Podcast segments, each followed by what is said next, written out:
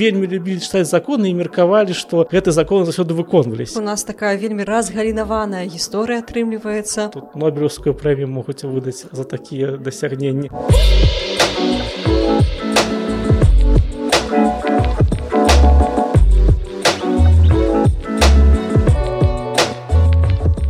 Добрый дзень шаноўнае гаспадарства альбо вечар альбо раніца. З вами падкаст так склалася гістарычна і я дзягель Ганна Гэта наш чацвёрты выпуск нашага першага сезону. І сёння мы пагаворым пра грамадства вялікага княства літоўскага. І у гасцях у нас гісторык архівіст Евген глінскі. Добрый дзень. Дзякую за запрашэнне сёння прыйсці да вас на такі цікавы падкаст. Ну крых пра сябе раскажу. Так склалось гістарычна што я займаюся шляхтай. Перш за ўсё спачатку мой інтарэс ляжаў пераважна ў гісторыі шляхецкага саслоя 16-18 стагоддзя шляхецкай свядомасці родавай памяці генеалагічных легенд. Зараз я ў большай ступені ўжо займаюся генеалогіяй і таму крыху працягну перыяд сваёй зацікаўленасці да 19 стого на пачатку 20 стагоддзя пакуль шляхту як і астатнія сасловы не скасавалі. Але ў цэлым зразумела што росквіт шляхты гэта несумненна перыяд 15-18 стагоддзя і таму гэта асноўная такая тэма маіх даследаванняў не толькі шляхта якую мы ведаем добра князі паны а таксама і дробная шляхта служылая шляхта залежная шляхта. Это таксама у поле майго зроку вельмі цікава мы ў мінулы раз якраз разглядалі ўтварэнне вялікага княства літоўскага і скончылі на 14 стагоддзі А вось шляхта як саслоі ці быў такі пункт калі яна ўтварылася Ну, зразумела што такога пункту як мы бы вылучылі ў падручніках канкрэтную дату утварэння шляхты ці замыкання шляхецкага саслоя як калісьці было прынята казаць што з трэцім статутам замкнуўся шлях у шляхецкае саслоўе таксама пасля таго як выдадзены былі соймавыя канстытуцыі пачатку 17 стагоддзя якія забаранялі каму-небудзь нават каралю набілітаваць самому набілітаваць мог толькі сойм рабіць простых людзей шляхты. Але ў рэальнасці працэсы былі куды больш складаныя і працэс пранікнення новых людзей у гэта шляхецкае саслове ён цягнуўся фактычна ўвесь перыяд існавання вКл. Ну скажем ранее 13-14 стагоддзь мы ведаем больш гісторыю князёў а ўжо з 15 стагоддзь мы добра прасочваем гісторыю шляхты для 15 стагоддзя і нават для перш пол 16 стагоддзя лепш сказаць каш не шляхты а баярства ці баяр шляхты шляхта хоць тэрмін быў вядомы ўжо 15 стагоддзя нашых землях это польска-нямецкі тэрмін але ўсё роўна пераважна яшчэ да люблінскай уніі большасць прадстаўнікоў шляхецкага саслоя называліся баяр бок у нас нават на, на ўзроўні тэрміналогіі два тэрміны Да і там паверце тэрміну яшчэ больш было бо тэрмін зямянін напрыклад які папулярны быў падляжскіх паветах вяліках княства літоўска на берасцейшчыне. Ну скажем там пра гэта яшчэ будзе сэнс сказаць. Ну такія магістральныя даты якія вызначылі развіццё вось гэтага высокароднага шляхецкага военнага сасловя на тэрыторыі вКл гэта канешне два прывілей это прывілей ягала 1387 года знакаміты прывілей адразу пасля крэўскай уніі літаральна які дадаў шляхце баярству шляхце вяліка кня святоўска про толькі каталіцкае веравызнанне. Асноўныя правы самае галоўнае права гэта поўнае права на вотчыныя землі. Что значит вотчыныя землі? Ну іх маёнткі ты якія іх рода маёнткі або ты якія яны яшчэ выслужаць на поўным праве не на часовым праве не скажем даволі гаспадарскай. А тыя маёнткі якія выслужанымі на вечнасць або былі іх родыя маёнткі яшчэ там з 12 13 стагоддзя скажем на этнічна-літоўскіх землях тэарэтычна такое магло быць таксама як і на беларускіх таксама. Ну гэта вельмі важным напэўна было для шляхты? Не сумне але зноў-таки это было абмежаванае кола людзей это каталіцкая шляхта. Вось тыя людзі якія непасрэдна акружалі тады ягайлу наступны прывілей супольны прывілей ягайл віту 1413 года гарадзейскі прывілей. Ён думаю шмат каму вядомы гэта наданне шляхецкіх гербаў.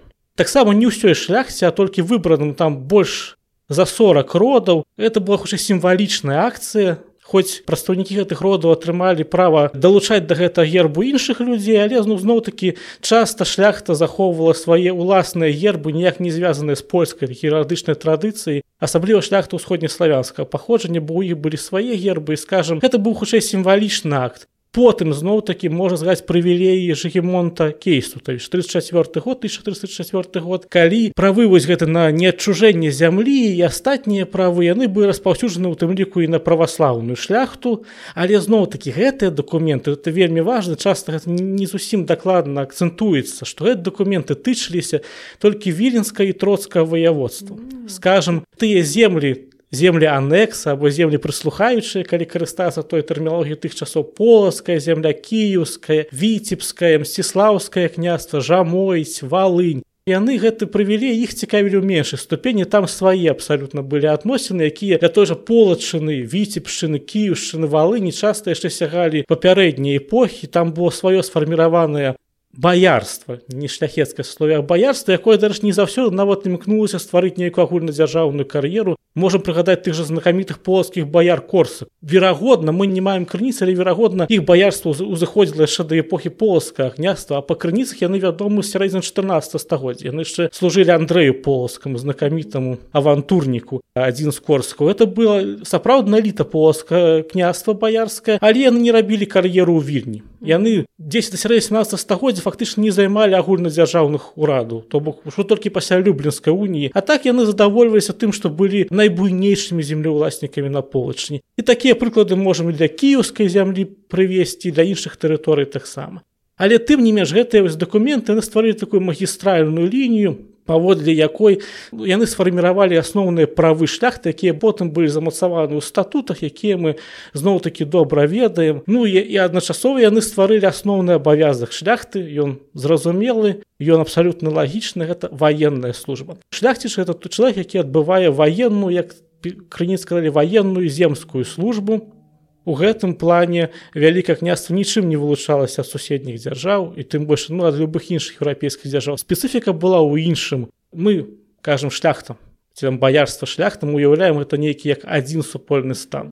У рэальнасці далёка так не было асабліва для ранняга перыяду то ж 15 першая палова 16годдзя выразна вылучалася вярхушка шляхты так званыя перш за ўсё паны. Вось якраз тыя людзі якія стваралі эліту дзяржавы якія атрымалі тыя герб 1313 годзе якія стваралі сціслую праднейшую раду вітаўта казіміра александра егілона і гэтых далей. Это было абмежаванае кола людзей. Лічылася у старой гістаграфіі скажем расійскай дарэвалюцыйнай ды нават і пасля гістарыяграфія якая была якая абіралася ты ж працы мацвея любаўскага. Іншых аўтар лічылася што вітаўт і стварыў гэта саслове. Вось гэта паны это яго былі асабіста набліжаныя да яго людзі маневіт хаштольд кізгайлы ну валімунтавіч кізгайла гэта просто адзін з братоў валімунтавічу гіды гоут і гэтых далей цяпер жа ўжо лічыцца што гэтае баярство заходзіла яшчэ часоў давітаў то скажем што верагодна яны маглі служыць і альгерду і кейсу то гэта прасочваецца асабліва ў даследаваннях таго ж вядомага гісторыка літоўска рымвідаса пятраўскаса які як бы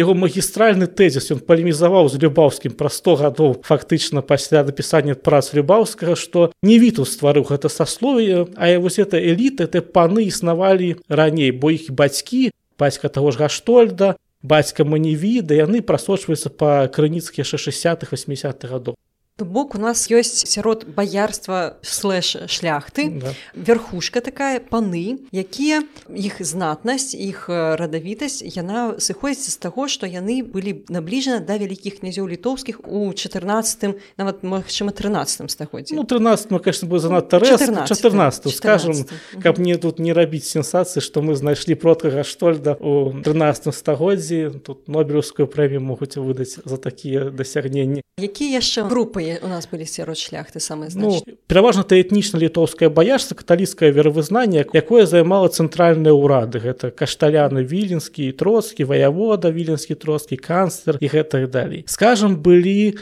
роды усходнеславянскага паходжання як правіла зноў такі існавала вось это гарадзейскае абмежаванне што яны не маглі займаць цэнтральную ўраду. Вось это самае галоўнае ваявода віленскі кашталян і ваявода троскі гэтых далей. Але яны все роўна рабілі кар'еру. Ну як зрабіць кар'еру калі ты не можаш увайсці ў гэту сціслую групу паноў якія яшчэ паміж сабой звязаны роднаснымі сувязямі там скрыжаванні перакрыжаванні. Гэта все такая групоўка людзей першы самы просты шлях гэта які? Служыць вялікаму князю. І мы ведаем такія прыклады найбольш вядомых это тыя хто застаўся ў эліце на доўгі гады сапегі. Іх продак сямён сапега быў выхадцам смаленскай зямлі ён быў смаленскі баярын усходнеславянска натуральна паходжанне. Ён быў пісарам у часы казіміра ягілона Ужо яго два сыны Іван і Богдан асабліва Іван зрабілі лепшая кар'ера Іван нават даслужыўся да ваяводы. Канешне не ў цэнтральных радах а на такі памежжы на ўскраінах дзяржавы тым не менш ён быў ваяводам і вось такую кар'еру зрабіў. Гэта самым першы шлях. Скажем может быть не толькі пісарам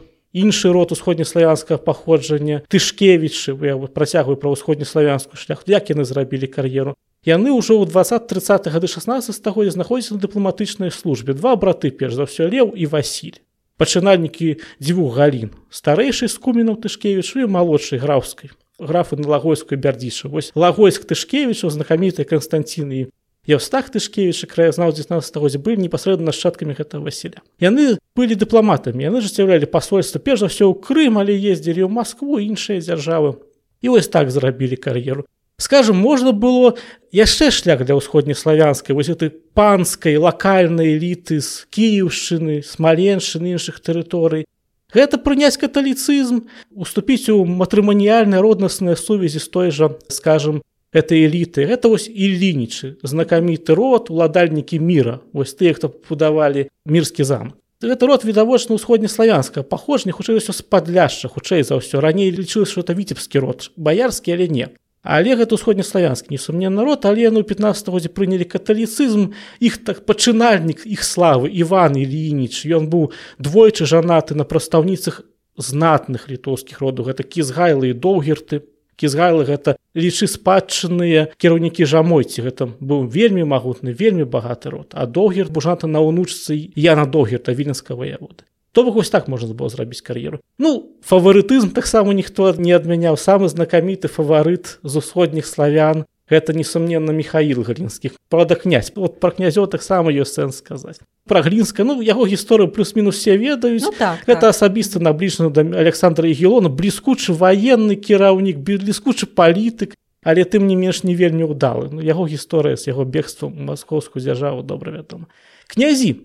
Здавалася вось князі а гэтай нашаткі яшчэ рурыкавіш таксама бакавых ліній гідэміначу здавалася яны па шляхту не павінны ўваходзіць павінны быць нейкім асобным станам але не многія з іх істотна здрабнелі. У 16 стагоддзе многія з іх напрыклад знаходзіліся на службе ў іншых князёў. Вось князі свірскія служылі слуцкім князям алелькавічам радзівілам служылі князі лихадзіеўскі больш за то лихадзіеўскі знаходзіліся ўжо ў 16 стагоддзе на ўзроўні залежнай служылай шляхты хоць пісаліся князьмі. Былі канешне тыя князі якія захавалі свой статус гэта наперш згаданыя мной алелькавічы іх продак владимир альгердавіч зводны брат ягайлы сын альгерда ад першага шлюб ён быў уладальнікам Киева вітаут яго звёў з Киева даў яму слуцкі капыль таму князі алелькавічы слуцкія яны вельмі цікавыя людзі яны напрыклад не імкнуліся рабіць урадніцкую кар'еру. Ніводзін з іх а род згас только з канцы 16 стагоддзя. Софья слуцкая вядомая святая была апошняй прадстаўніца яго. Ніводзін з іх не хацеў займаць ні адзін урад. Ні ваяводы ні канцлеры. Яны вось жылі сабе ў слуцку. У 15 стагоддзя яны яшчэ кіевам часова распараджаліся таксама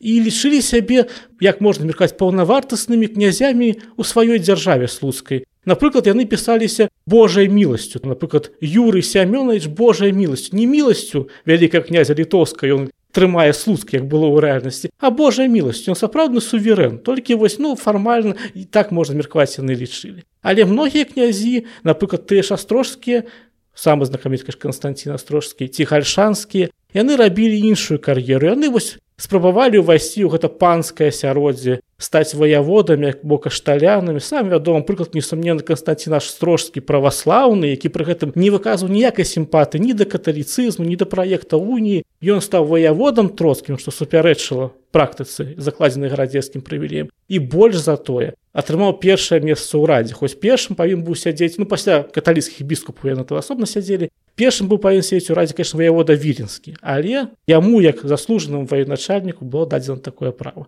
Это іншая стратегія для князёў існавалі скажем больш дробная шляхта. Сярэдняя шлях ну сярэдняя шляхта все зразумела гэта сярэднія землеўласнікі якія на тэрыторыі асобных ваяводстваў павету існавалі куды больш цікава катэгорыя насельніцтва як дробная шляхта і служылая шляхта залежна шляхта якая прымыкала да яе. Дробная шляхта яна мела сваю зямлю і атрыманую ад вялікіх князёў літоўскіх як правіла.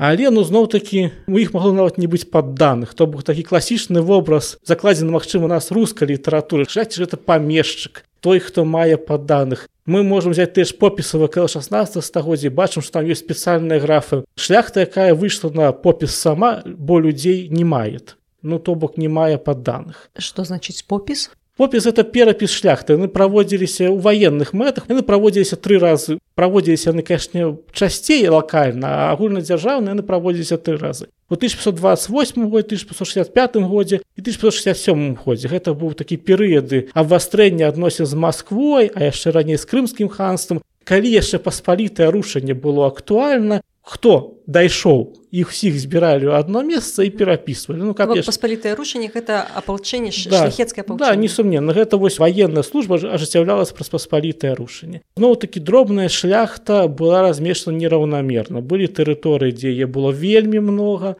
Это напрыклад жамойць і тут я думаю усім зразумела чаму потому что тэрыторыя якая гістарычна прылягала да тэрыторыі тэўтонска ордэна і там яшчэ з 14-15 годзе павінна было шмат военно-служылага насельніцтва быць якое бы змагалася з гэтым тэўтонскім ордэн таксама тыя тэрыторыі якія гістарычна складалі цэнтр вяліка княства літоўска ну з беларускага боку это лічына ашмянш нашмянскі лідскі паяс там было много шляхты. А скажем на ўсходзе беларусі калі мы возьмем рэчыскі павет мазырскі павет там было шляхта немного вылучаўся у гэтым плане пінскі павет ну па-перша таму што праз піншыну здаецца балоты але мінуты праз піншыну ляжалі шляхі нападу крымскіх татар. Таму там было актуальна вялікая колькасць шляхты ну а по-другое вялікі князелітос і казімір аддалі это тэрыторы спачатку давы гарадоцкая княства і клецкая аддалі выхадцам з Масквы уцікачам там быў такі Іван Васильевич Ярославич які ў выніку міжусобнай вайны ў Маскве ўцёк у ВКл і адпаведна яму далі гэтая земля. Яго сын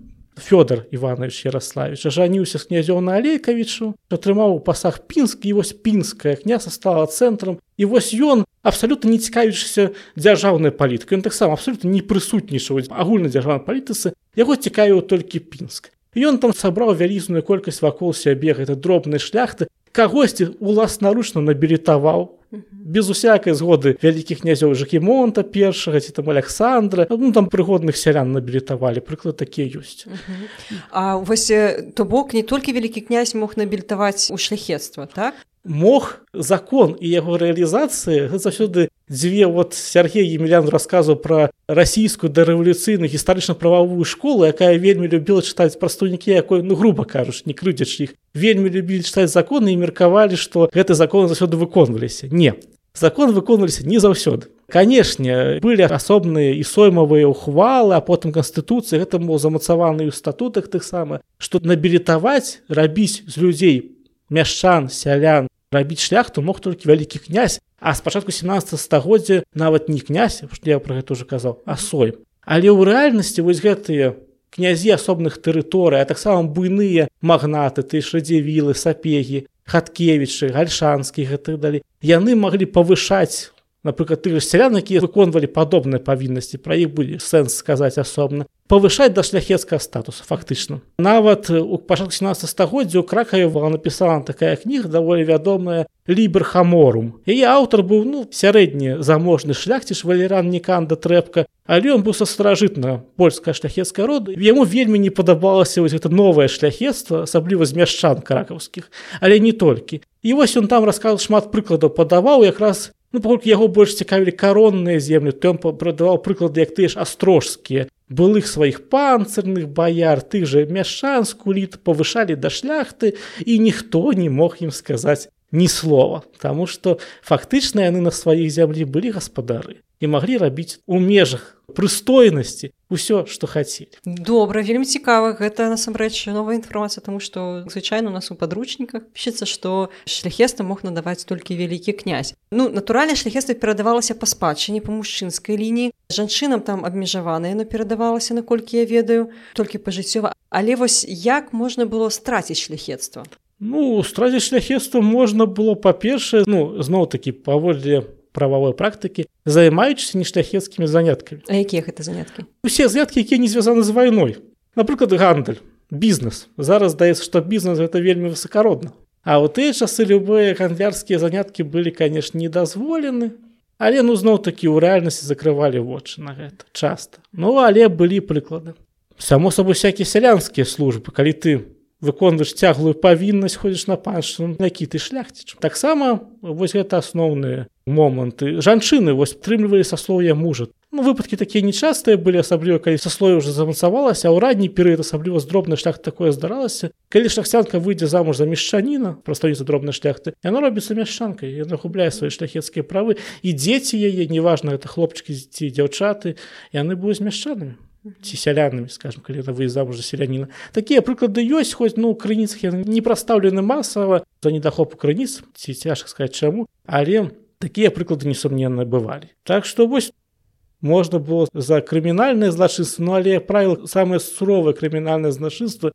здрада дзяржаве або абраза мае стату абразу каралеўскага гонару павінны былі карацца смерцю але зноў такі ўжо казіміру вёў такое правіла індывідуальнасць пакарання то бок калі чалавек штось нават страшнае злачынства нават замах на таго ж уладара то э, караецца толькі ён не яго род. І прыклад таму быў знакамітая змова князёў 1481 году калі михаил алелькавіч иван гальшанскі фёдор бельскі змовіліся ну як сцвярджаецца забіць казіміра. Іх выкрылі ёсць меркаванне што иван хаткевич данёс ёсць меркаванне што данёс брат фёдора сямён. Так напрыклад лічыла жонка александра алена маскоўская она такі пісала у лісце да свайго бацькі што фёдор бельскі іуда прыгаварыў да смерці сваіх братоў. Ну свайго непасрэднага брата фёдора і таксама страечнага брата михаила алелькавіч вось яны былі пакараны смерцю. Жорсткай. Это было публічнае пакаранне але іх род не пазбавілі маёнткаў ты шалейкавіч распражаецца слуцкім бескім мелі свае валоданні. Альшанскі таксама нічога не адбылося з імі. А вось ты індывідуальнасць пакарання нават калі ты атрымліваеш самае жорсткае злачынства не значит что твой род будзе пазбаўлены шляхетства ці сваіх маёнткаў. Дякую вялікі. А вось колькі ў прынцыпе было шляхты можна сказаць ад насельніцтва які гэта быў працэнт цяжка падлічваецца гэта ўсё таму што у нас няма такіх рэлевантных дадзеных асабліва па 16 стагоддзі па колькасці насельніц хоць былі спробы найперш гэта генры клаумянскі знакаміты польскі гісторык рабіў. У нас ёсць больш карэктныя дадзены для канца 18 стагоддзя для перыяду канца існавання рэч паспаліты ну карэктныя наколькі яны карэктныя таму што варта будзе прагаварыць пра вось гэтай прамежкавыя станы перш за ўсё служылую залежную шляхту ну як лічыцца што ад 8 до 10 процентаў ну ты вось дадзены там 15 давалі часам асабліва 90 была такая што у нас абсалютная большая шляхты была па ўсёй Еўропе не скажем той же Іспаніі было больш па зразумелых прычынах рэканкіста. У нас все-таки крышку меншались роўна гэта было істотна большым той же расійскай дзяржаве чым у дзяржавах цэнтральнай Еўропы заходняй Еўропы. Можа быць Польшча некаторыя тэрыторыі той ж падляшча мазовія маглі параўнацца там было яшчэ больш шляхты працэнтных суадносінах ну пусть падляша да любецкую не была часткай вКл все-таки але ну зноў такі можна лічыць калі мы будзем браць максімальна усе гэты прамежкавыя станы паміж шляхты і не шляхтая пра якіх якраз будзе сэнс пагаварыць то да каля 10 процент там реально много тому что пастаянныя войны спецыфіка все-таки рэгіёна вельмі гарача 14 16 вельмі гарачых ел Вось якраз пра дробную шляхту і праслужылую шляхту залежную шляхту напэўна так карэктней казаць залежнае баярства гэта людзі якія пражывалі на землях буйных землеўласнікаў і атрымлівалі ад іх зямлю за службу. То бок не навечна а пакуль служыць твой род ты твой сын унук праўнук то і зямля твоя. Гэта так званое леннае атрыманне умоўнае атрыманне зямлі умова тут просто няседня военной службы. Іх як правіла называлі таксама баяры або зямяне у 17 стагоддзе скажем ужо 18 стагоддзе гэту залежнасць шляхту называлі зямянамі перш за ўсё. Як яно ўтварылася? Самым просты шлях дробны шляхціш вось я згадывалі хадзіеўскіх вось дробныя князены перайшлі на службу радзівілам сталі адпаведна іх вось зямянамі залежны шляхты жылі на іх землях. Тое самае ліпніцкія. Была такая дробная шляхта вось ліпа вёска каля не свіжа а таму яны ліпніцкія. Іх таксама радзівіл чорны якраз выкупіў зямлю а даў ім зямлю на умоўнай службе. Прыклады тут можна множыць яшчэ адзін варыянт гэта калі вялікі князь якому-нибудь буйному пану або князю надаваў вялізную латыфундую вялізную тэрыторыю. Вось напрыклад як радзівілам райгорад і ганёнц на падляшча разам з этой зямлёй надаваліся і тыя баяры гаспадарскія паўнавартасныя баяры паўнапраўныя якія на ёй жылі. Тэарэтычна просто могли сысці але пакінуць зямлю А куды ты пойдзеш калі ты уже прыжыўся там гаспадарка все такое Таму яны заставаліся часта жыць на гэтай зямлі былі нават крыху такія трагікамічныя выпадкі гэта вось якраз з тымі ж уладаннямі Івана і Фёдора Ярославічу А пра жапінска яны валодаючы клецкамі давыд гарадком там таксама была шляхта. Тэхнічна это все было залежна ад іх шляхта і ўпішаны на клетчыне давыд гарадочыне але ўжо ў 50 гады Жгемонт Август перадаў клецкае княства давыд гарадоцкае княства радзівілам і адпаведна гэтыя баяры сталі залежнымі баярамі радзівіл. А пінскае княства выгасанне роду Ярославішу яно засталося дзяржаўным і гэтыя ўсе пінскія баяры некаторыя з іх былі менш маёмасна стане важныя чым клецкі давод гарадоскі яны сталі паўнапраўнай пінскай шляхты вось знакамітая пінская шляхта дуніна марцінкевич хоць у рэальнасці у дуін марцінкевич якраз ідзе гаворка пра давыд гарадоскую шляхту а не пра пінскую ну гэта не важна мы все ведна гэта як пінская шляхта і добра. Дык вось яны былі паўнапраўнай павятовай шляхты а іх часта родзічы з давыд гарадка таго ж склецка все адносна недалёка яны сталі радзівілскім падданным ну не падданымі конечно не зусім правільна але залежнымі ад іх людзьмі. І вельмі доўга фактычна ўсё 17-18стагоддзя гэта шляхта спрабавала выйсці з-пад улад радзівіл як казалі перайсцю павет стаць павятовай шляхтай паўнапраўнай. У выніку дальше атрымалася і у тых і у тых ну да вот гарадоцкая шляхта паспела ў самы апошні момант.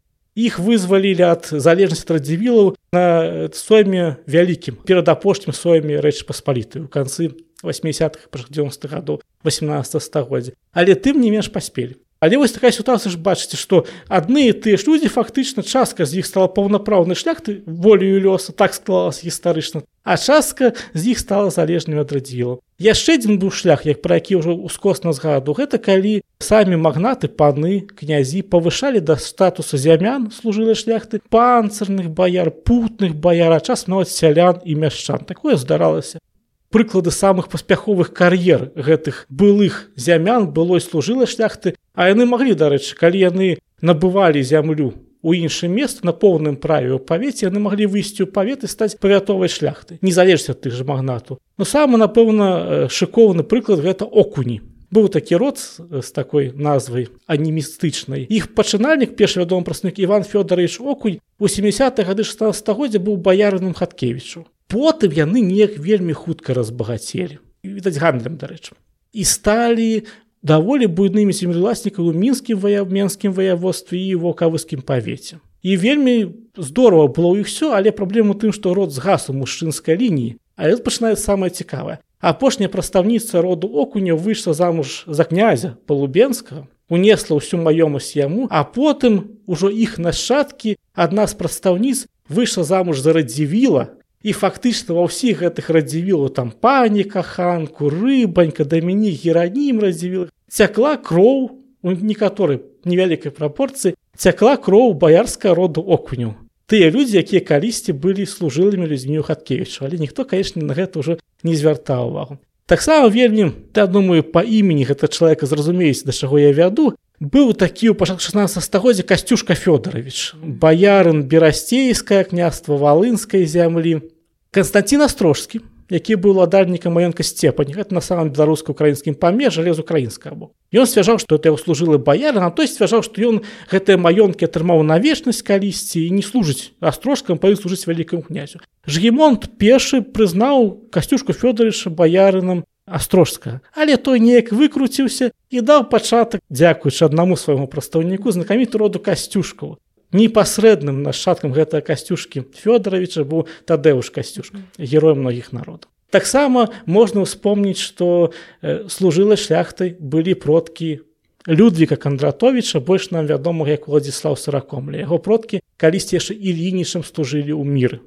Добра вельмі цікава. То бок у нас такая вельмі разгалінаваная гісторыя атрымліваецца розныя катэгорыі і насамрэч нельга выбудаваць нейкай іерархіі паміж гэтымі катэгорыямі. Таму што нягледзячы на тое што рознае палажэнне служыла шляхта атрымлівала у іх все ж таки набор правоў скажем так быў ну больш-менш роўны. То бок фактычнай улады ў іх магла быць розная але вось правы шляхецкага стану яны былі для ўсіх аднолькавыя правильно разумею? Цэлым так сапраўды ўся шляхта паўнапраўна павятовая мела аднолькавыя правы асабліва ўжо пасля рэформ 60-х гадоў калі былі створаны земскія і гродскія суды бо да гэтага паны мелі судовую прывілегію паны судзіліся толькі вялікімі князямі і панамі радай намеснікі там ці ваяводы у тым жа полацку ці намеснік гародні не маглі судзіць паноў да 60 гадоў 16 судзіць мог толькі вялікі князь і паны рана А тут ужо калі стварыліся гэта суды на лакальным ваяводскім павятовым узроўні усе павінны былі судзіцца ў іх плюс пачалі ўжо фармалізавана праводзіцца соймікі лакальныя зборы шляхты. І таксама гэта садзейнічала пэўнай роўнасці але вось якраз служыла шляхта была абмежавана ў правах яна не ўдзельнічала ў сойміках бо он тут все просто. У сойміку удзельнічаюць толькі тыя хто маюць поўную ўласнасць у павеце або ваяводстве А яны ж не мелі ўласнасці яны жылі на чужой зямлі радзівілу сапегаў пацаў хаткевічу але не на сваёй. Таму фармальных падстаў іх не было ўдзельнічаць. Тэарэтычна той же радзівіл мог правесці на любы соймік почат сваёй служылай шляхты. Такія выпадкі нават здараліся. У 17-18 стагоддзя але галасаваць фармальна не маглі. Вось это было абмежаванне. Плюс ніхто не забараняў выбіцца ў людзі і былі такія прыклады асабліва мы павінны разумець што згасалі многія старыя роды асабліва сярэ 16 стагоддзя вымерлі гаштольды забярэзінскія князі гальшанскі і тады пачынаюць з'яўляцца у эліце новыя людзі ты ж глябовічы трыумфальна вяртанне хаткевіча вельмі рэзкі рост. Потым сапехі зноў такі дзякуючы льву зноў вярнуліся валовіч якія такую ролю раней не адыгравалі потым спінскае баярства выйшлі войны бліскучая таксама чыноўніцкая кар'ера дзякуючы таму што яны былі раялісты і лаялісты. Яны былі вось этой баразве магнацкіх эпох былі прыхільнікі каралёў вялік князёў літовскі ты ж тышкевішы. Усе яны ўзняліся з такой сярэдняга ўзроўню. Далёка не ўсе з іх былі такія багацея гаштольды ці радзівіла Таму тэарэтычна калі ты шляхціш ты вось як той же окунь. Вось эта сям'я гэтых окуней маглі просто бліскучую кар'еру зрабіць ці вось полацка мінскія баяры служкі уладальнікі стаўцоў цяперашняя горада ў мінскай вобласці. Таксама бліскучую і вельмі хуткую кар'еру зрабілі. Так што так вялікія перспектывы калі ты шляхціш добра дзякуй вялікі. На гэтым мы першую частку нашай размовы пра сацыяльную структуру грамадства вялікае княства літоўскага скончым. Дзякую вам за праслухоўванне. Будзем радыя вашим лайкам каментарыям. Будзем рада калі вы распавядзеце пра наш падказ сябрам. І да сустрэчы наступным разам дзе мы пагаворым пра іншая катэгорыя насельніцтва вялікае княства літоўскага. Да пабачэння.